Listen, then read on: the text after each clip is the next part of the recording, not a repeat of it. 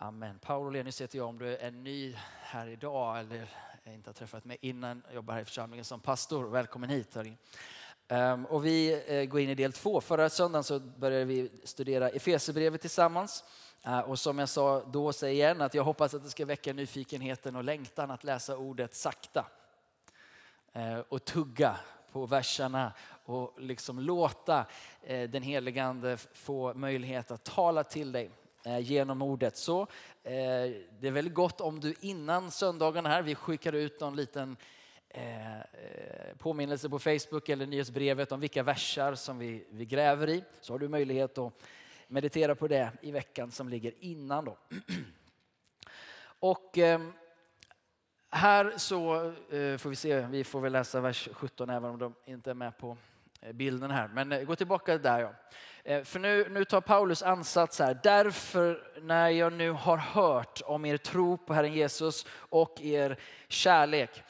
Eh, det har gett återljud, det som sker i Efesos. Han har hört att det har hänt någonting där med den tro som han var där och predikade. Den lever kvar. Den, den lever kvar på ett sånt sätt att det sprider kärlek som han hör om. Och när han hör om vad som sker i Efesos, då kan han liksom inte sluta och tacka Gud för det som sker genom evangelium i deras liv. Han blir upprymd. Han kan inte sluta tacka Gud när han ber. Han bara ser de här människorna framför sig och han ser vad den tron som han har fått ge till dem har gjort med deras liv. Um, vad är då det här för tro? Och och jag skulle bara snabbt och vilja luta oss tillbaka in i verserna innan som vi var förra söndagen och få bara predika ut det en gång till kort. För, för det är så innehållsrikt, det som Paulus där säger i 14 verser. Um, han på, han, han, och nu jublar han över det faktum att det verkar som att det har landat. Att Efeserna är utvalda och älskade. Han kan inte sluta tacka Gud för att de har fattat att de är utvalda, att de är älskade. Till vad då? Jo, att vara barn till Gud. Han jublar över det faktum att de har förstått det. De har fattat att Gud är inte längre långt borta, utan genom Jesus har utvalt dem att komma nära, att vara älskade barn. Ehm, och det ger som han säger sen, möjligheten till att leva i förlåtelse. Han säger, ni är nu Guds barn och därför har ni förlåtelse. Och det finns inte längre någonting som kan skilja er från ert barnaskap i Gud. För ni har förlåtelse. Ni har förlåtelse för era dåtida synder. Ingenting av det som har hänt kan skilja er från den kärleken i Jesus Kristus. Ni har förlåtelse för era nutida synder. Ingenting av det ni gör eller lever i kan skilja er från det barnaskapet. Era framtida synder, allt det som ni kommer ställa till med. Ingenting av det kan ta bort barnaskapet som ni har i Kristus Jesus. För det barnaskapet, det hängde aldrig på er, utan det hängde på honom. Det utväljandet och den kärleken har ingenting med er att göra, utan har allting med honom att göra. Ni är utvalda, ni har förlåtelse och på grund av det, så, barnaskapet, så har ni också ett arv. Och det här är det jag ska försöka uppehålla mig till alldeles strax här. För det här är det stora i den här texten. Det är arvet. Han bara, ni har arvet, fattar ni? Fattar ni att ni, ni har arvet? Och hur vet ni att ni har arvet sen slutligen i den passagen? Jo, ni vet det på grund av att ni har anden. Det är anden som i er vittnar om att ni är barn och är ni barn så är ni också arvingar. Och med tanke på den entusiasm som stiger i rummet så finns det anledning att predika det här.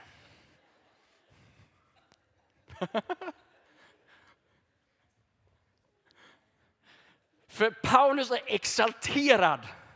Han vet inte vad han ska ta vägen med det han har sett in i evangelium. Den hemlighet som har varit bevarad i alla tider nu är nu tillgänglig. Och han kan inte sluta tacka Gud för han ser att den första frukten av det hörs i Efesos. Men så säger han någonting i detta. Han tackar Gud, han ber, men han säger också någonting. Han säger Efesos, Efeser, stockholmare, Citykyrkan, ni har väl inte stannat därvid? Ni har väl inte slutat att längta? Ni har väl inte tänkt att, ja men vad fint, jo Jesus och det där, det har jag förstått något mer på menyn. Jag måste börja be för er. Ni måste förstå att det ni hittills har förstått är ju bara början. Oh, vad jag ber att ni ska få en uppenbarelsens och visdomens ande så att ni på ett rätt sätt får kunskap om honom. Som spränger begränsningarna. Vi behöver en helig ande. Du och jag, vi har väl inte slutat att hungra. Jag vet inte hur länge du har vandrat med Jesus. Men jag hoppas du inte slutat att hungra. God, god, god Gud give att vi inte slutar att längta. Gode Gud give att vi inte slår oss till ro med att ha skrapat lite på ytan av hans godhet och härlighet och det arv och det rika arv som han har lagt ner i de heliga.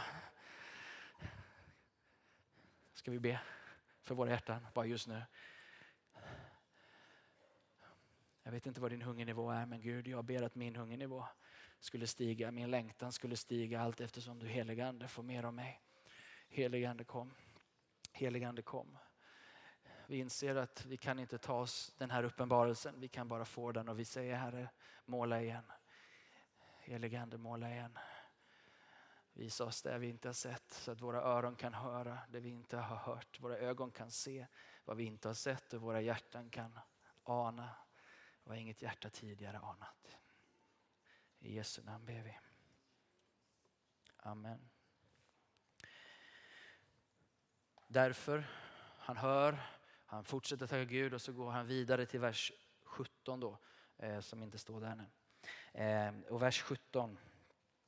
Ehm, så säger han så här, jag ber, precis som vi nu har varit med och bett, att vår Herre Jesus Kristi Gud, härlighetens far, ska ge er vishetens uppenbarelse ande så att ni får rätt kunskap om honom. Kunskap i Nya Testamentet och kunskap i Gamla Testamentet är aldrig, har inte med huvudet att göra, har med hjärtat att göra. Har med att känna någon. Så som jag känner min fru eller känner en god vän. Det är den typen av eh, känna och kunskap vi pratar om. Um,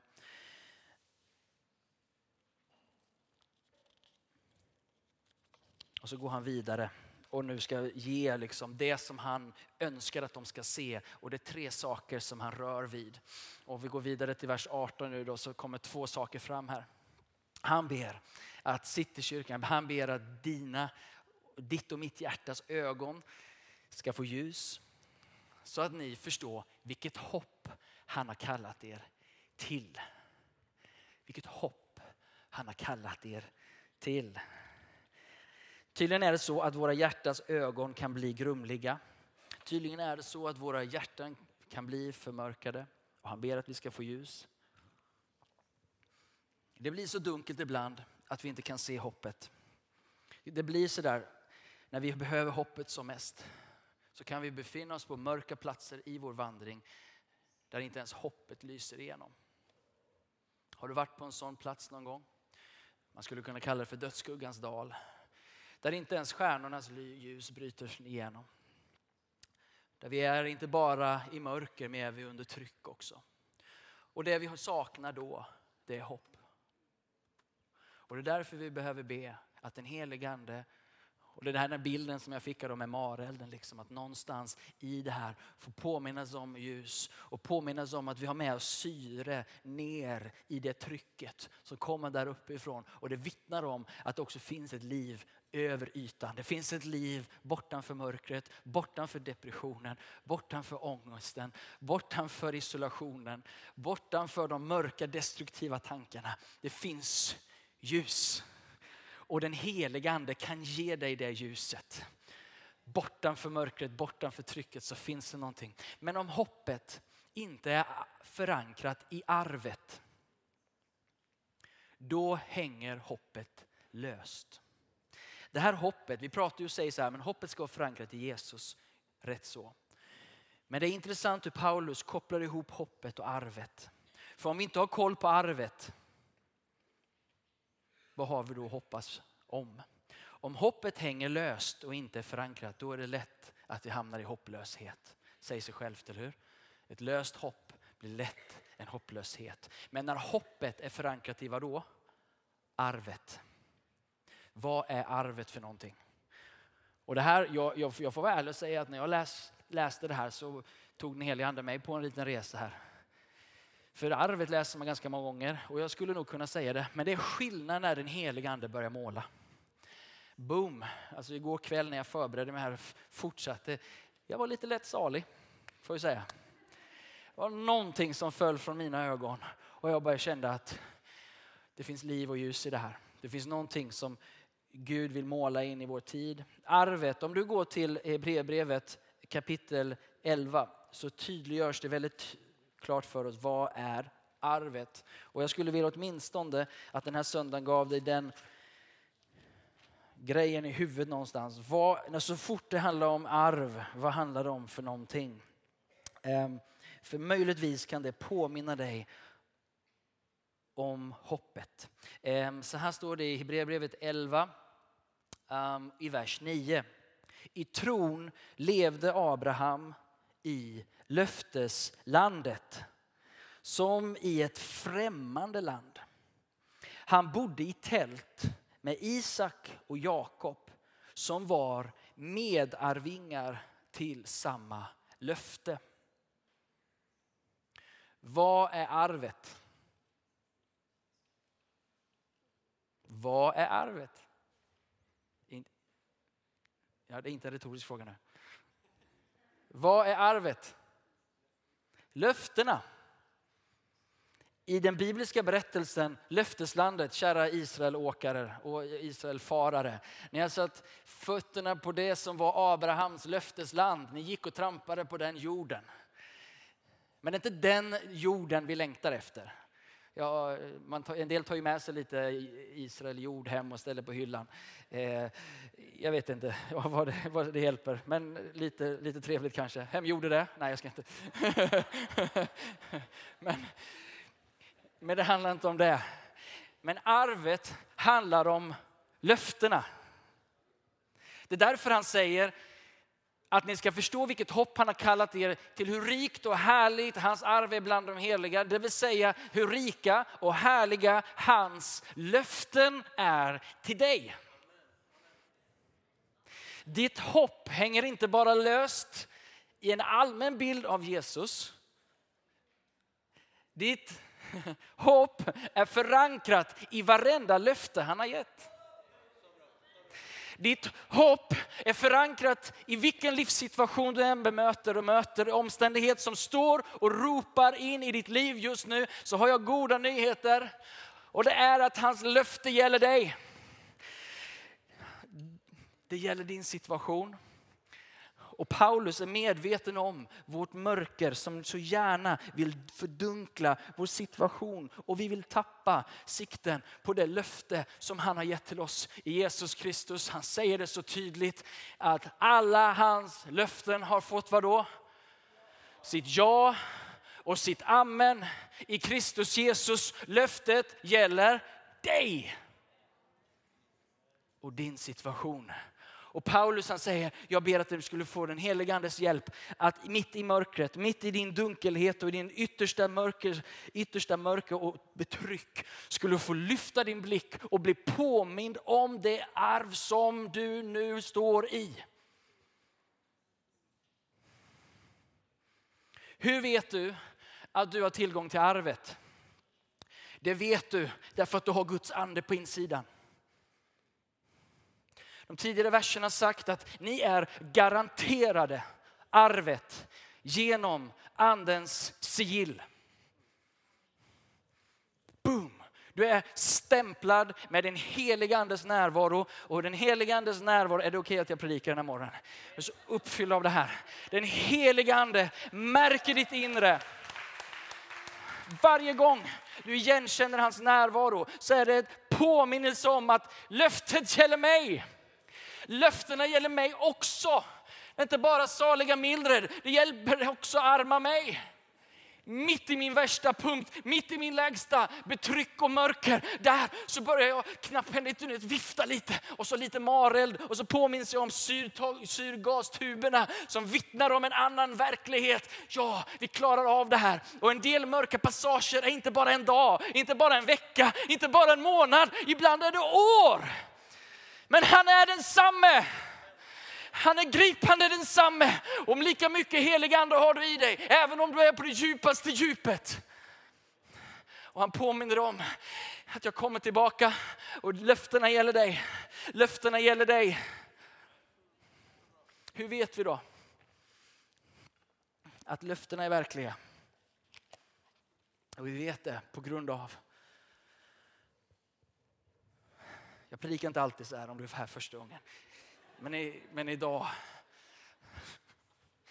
det här är mer jag än något annat för övrigt. Eh, 19, vi går vidare. Vi behöver inte bli konstiga, men vi kan få vara entusiastiska. Passionerade för det vi tror på. Annars kan vi ju likväl hitta på något annat. Jag försöker inte elda igång dig, jag, jag är eldig, okej? Okay? Du får vara hur du vill. Oh, oerhört stor hans makt är i oss som tror. Därför att hans väldiga kraft är verksam. Så det här är, handlar inte om dig. Det handlar inte om hur väl du ska ta dig igenom. Det handlar inte om hur väl du får till det. Utan det handlar bara om en sak. Och det handlar om att hans oerhört stora makt i oss Ja, det är en väldig kraft som har varit verksam. Paulus använder fyra eh, ord på grekiska här och översättarna försöker få till det. Liksom. Men det enda han säger det är ungefär så här. På engel, på, i, i, i, I Amplified så står det så här. Om du inte förstår svenska och jag försöker inte översätta utan det här är engelska. And so that you will begin to know what the immeasurable and unlimited surpassing greatness of his power in us who believe. These are accordance with the working of his mighty strength. Okay, orden är immeasurable, unlimited, surpassing, greatness, power, mighty, strength.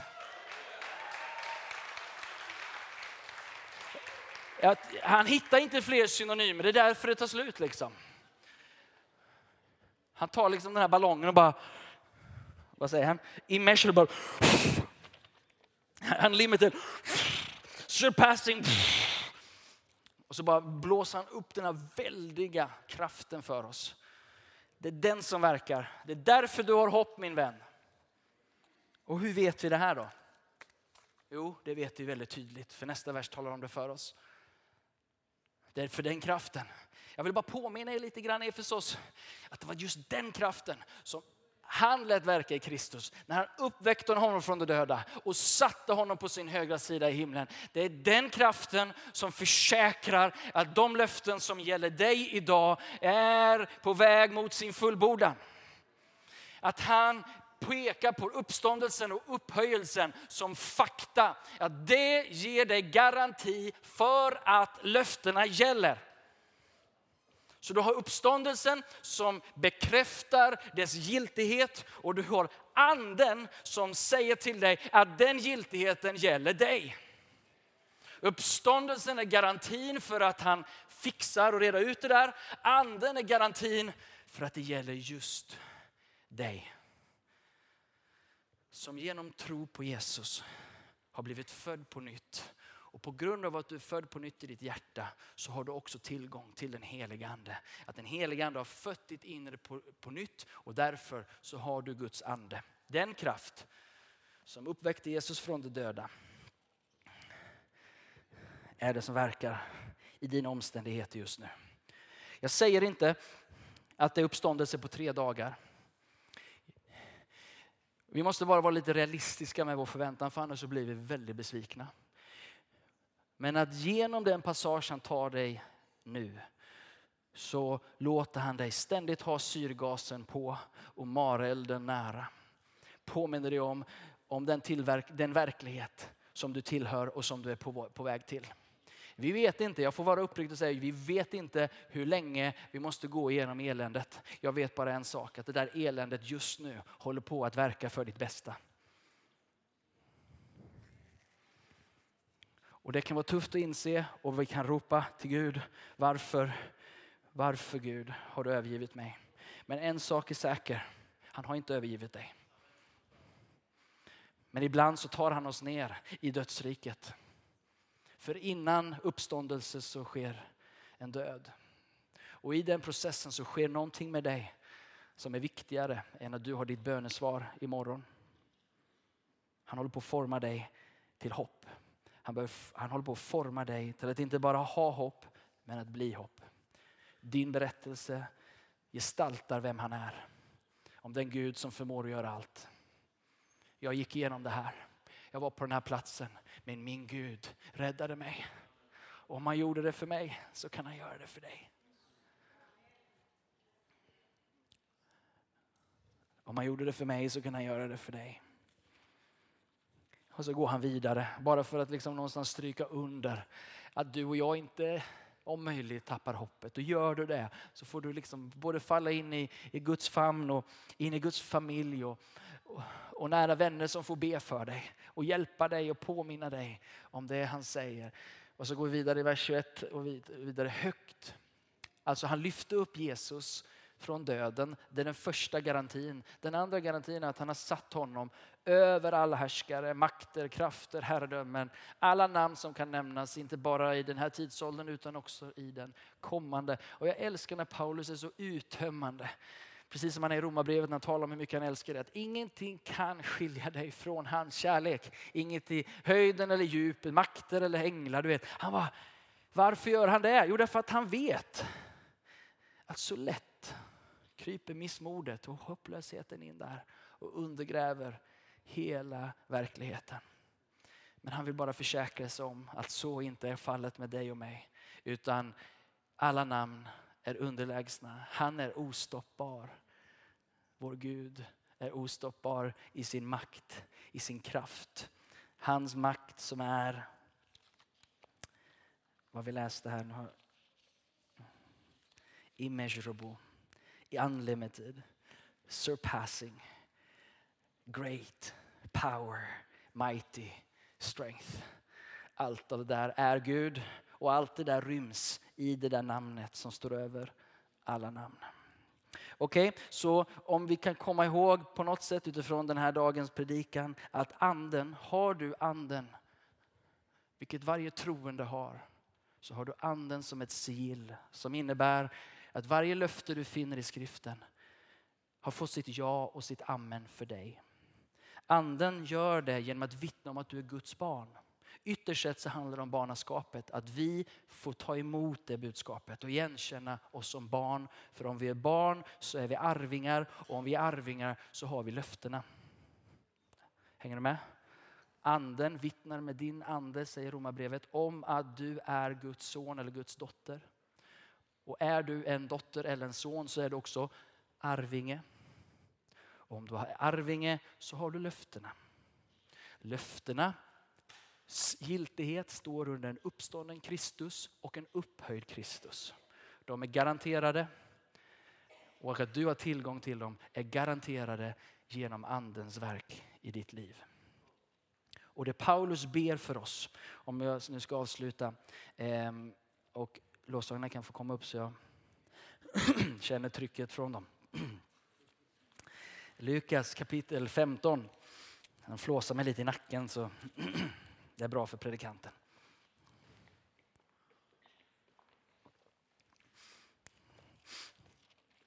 Lukas 15, där har vi några liknelser som är nycklar för att förstå Guds rike. Vi har liknelsen om den förlorade sonen som vi pratade om, han som tog arvet och spenderade det. Ehm, men så vill jag bara påminna oss om, och jag tänker liksom lite av Paulus förbön, är för att vi inte ska vara som den hem, varken som den förlorade sonen eller återvändande sonen eller som den hemmavarande sonen. I Lukas 15 så står det nämligen så här från vers 28.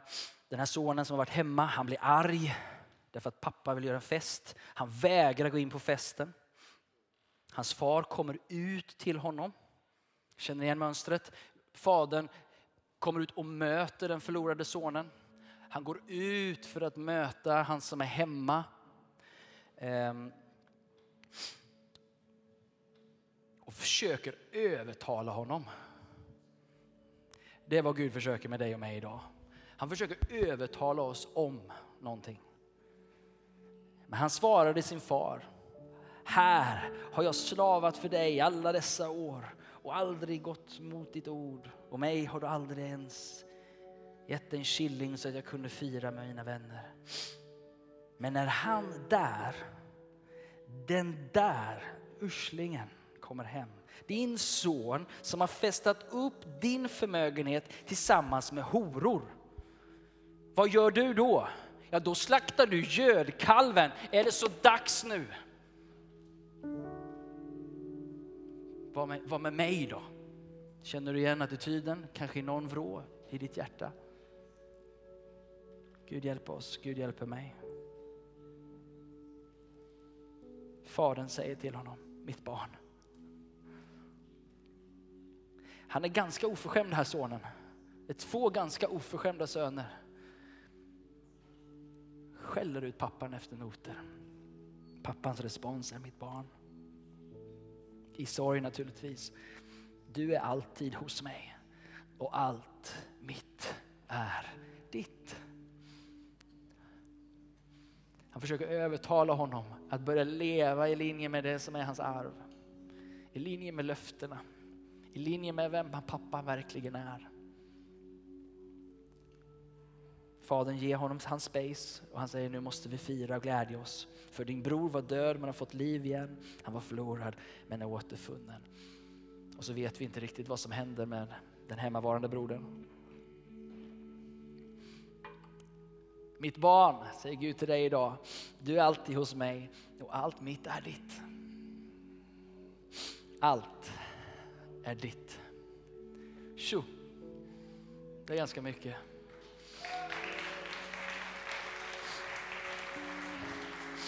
Och vill du se en innehållsförteckning på den, det arvet? Har du sett en bouppteckning någon gång? Mildred har sett några. De hanterar alla, alla äldre här som får flytta hem och, ja, och så vidare. Men det är en lång lista av allt det som tillhör bohaget eller ägodelar. Och du har en lång lista, du har en, en bibel och framförallt har du ett nya testament. Ett nytt testament som är ditt testamente. Ditt arv. Tjo!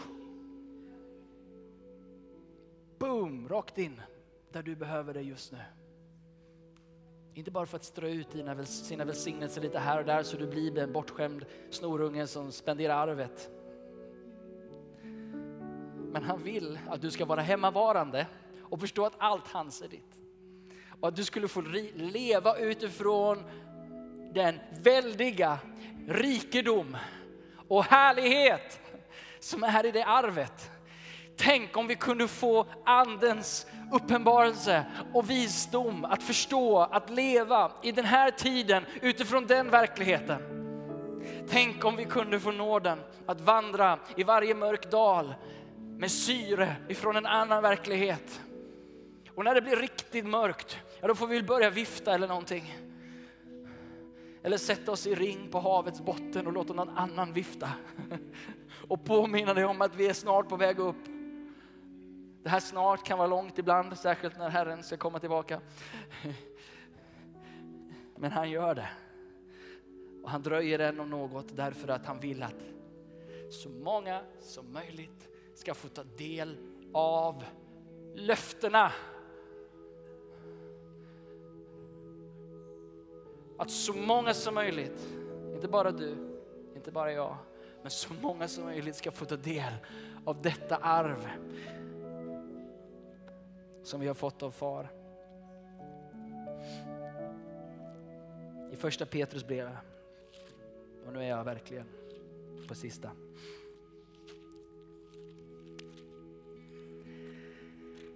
Så säger han så här, Petrus. Och det är lite intressant för att han, det låter nästan som att det är Paulus i början av Efesierbrevet. Han säger välsignad är vår Herre Jesu Kristi Gud och Far. Känner du igen det? Som har, som har välsignat oss med all den himmelska världens andra välsignelse. Men här, här fortsätter han lite annorlunda. I sin stora barmhärtighet har han genom Jesus Kristus, Jesu Kristi uppståndelse från de döda fött oss på nytt till ett levande hopp. Vad är det hoppet? Jo, till ett arv som aldrig kan förstöras, fläckas eller vissna och som förvaras åt er i himlen. Slutgiltiga triumfen är andra sidan. Men redan här och nu så får vi leva genom den helige Andes uppenbarelse av de rikedomarna i den här världen.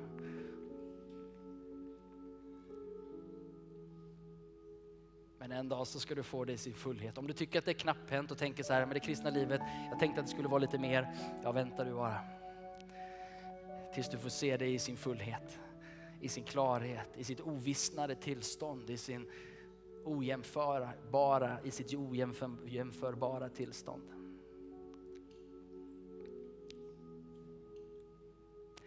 Vi ska sjunga ut en lovsång nu.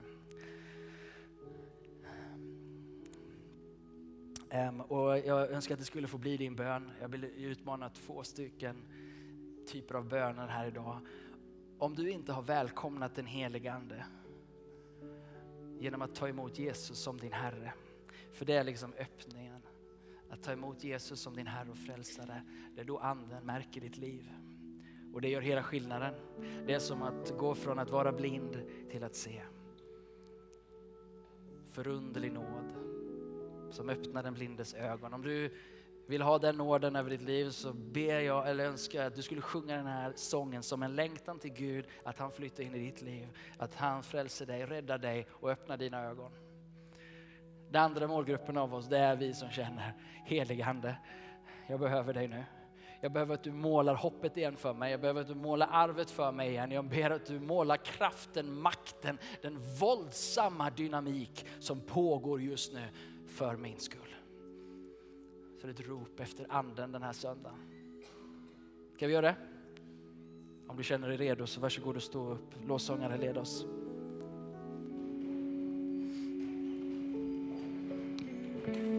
Låt det här få bli ditt hjärtas bön den här söndagen.